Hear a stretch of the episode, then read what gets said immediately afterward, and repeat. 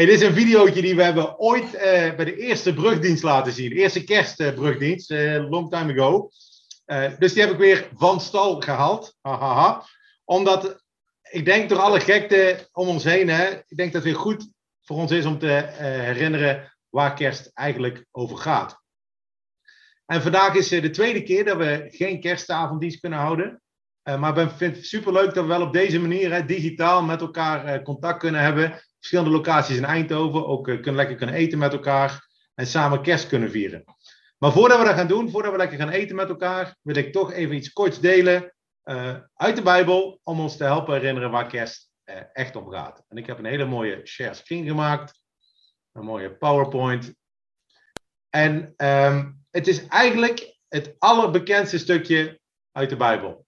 Dus als het gaat over kerst. En het gaat over Lucas. Ga eens lezen.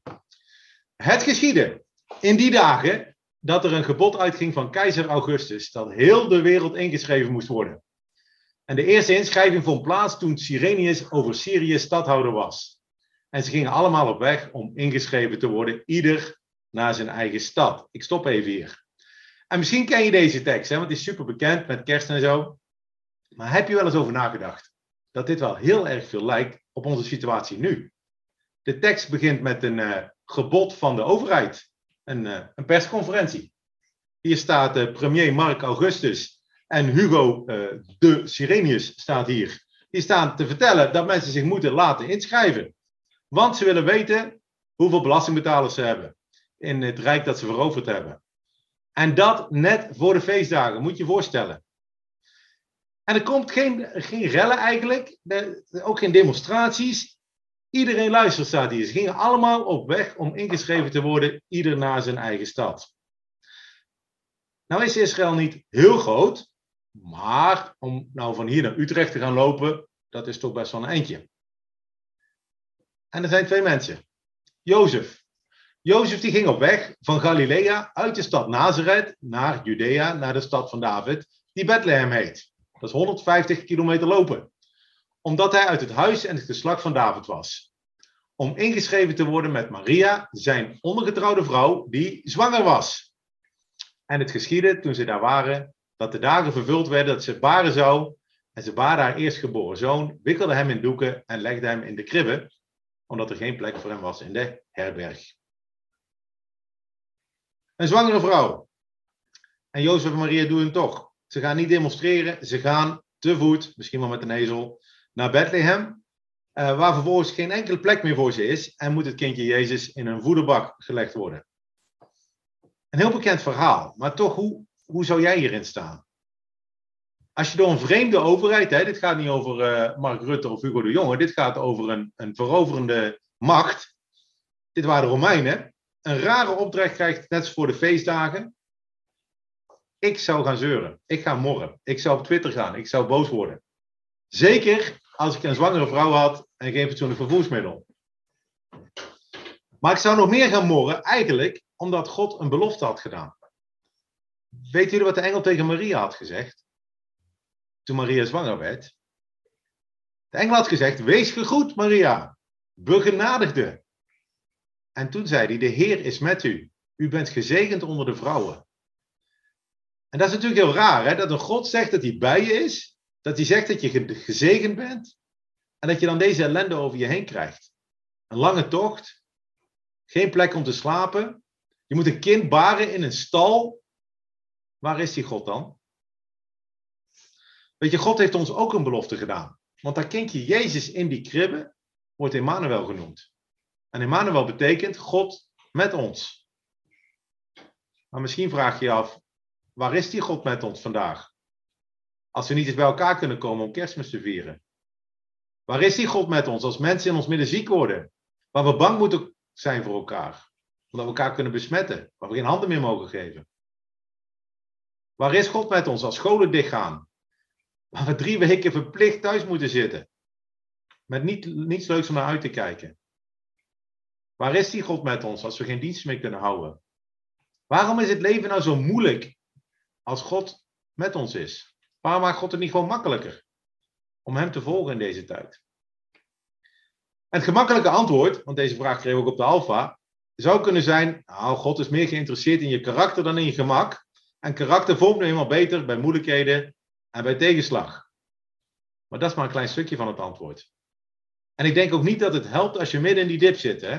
Ik kan me niet voorstellen dat Maria in zo'n stal zit, tussen een hos en een ezel, puffend. En dan Jozef dan zegt, ja Maria, God is bezig met je karaktervorming. Dat, dat helpt eventjes niet. Dan maar geen karaktervorming.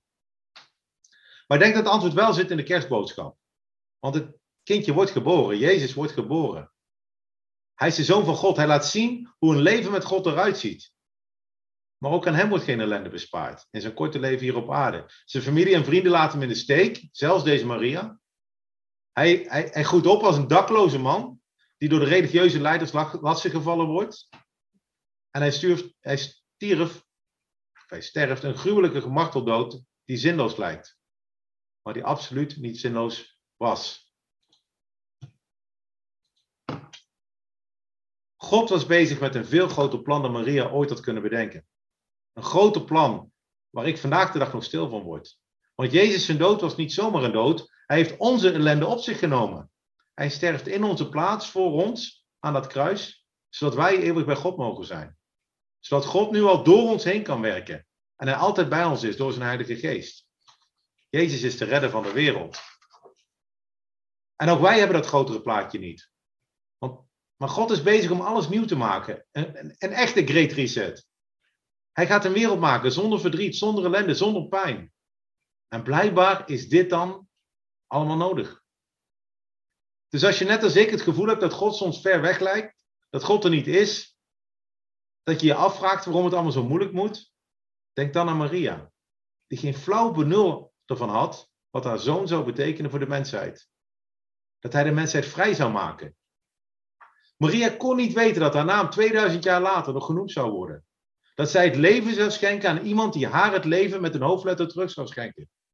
Dat God zo dicht bij haar was, dat een kus op de wangen van haar zoon een kus op Gods gelaat was. God is dichterbij dan dichtbij. Hij is met ons. Ook voor jou, ook voor mij. En dan snappen we soms niet waar hij mee bezig is. We mogen weten dat hij bezig is om de wereld terug te winnen en zijn plan uit te voeren. Ik wens jullie een zalig kerstfeest allemaal. En ik heb nog één videootje waar dit, wat ik net gezegd heb, nog even wat dieper naar binnen komt. Zalig kerstfeest, ja.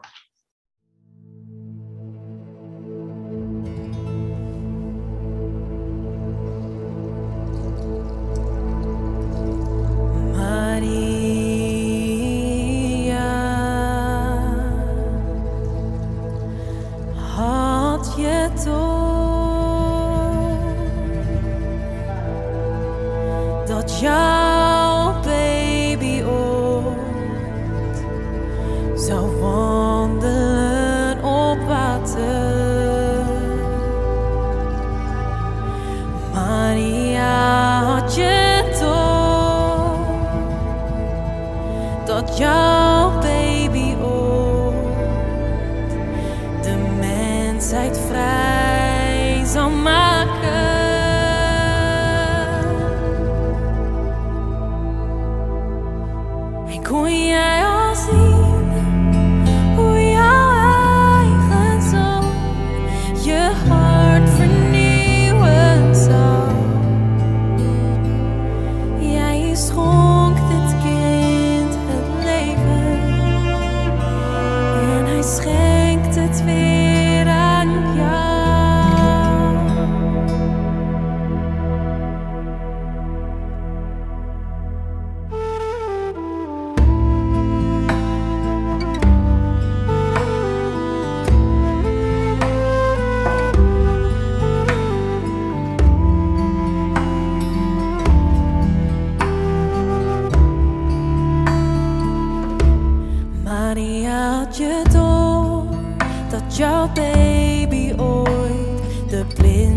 eigen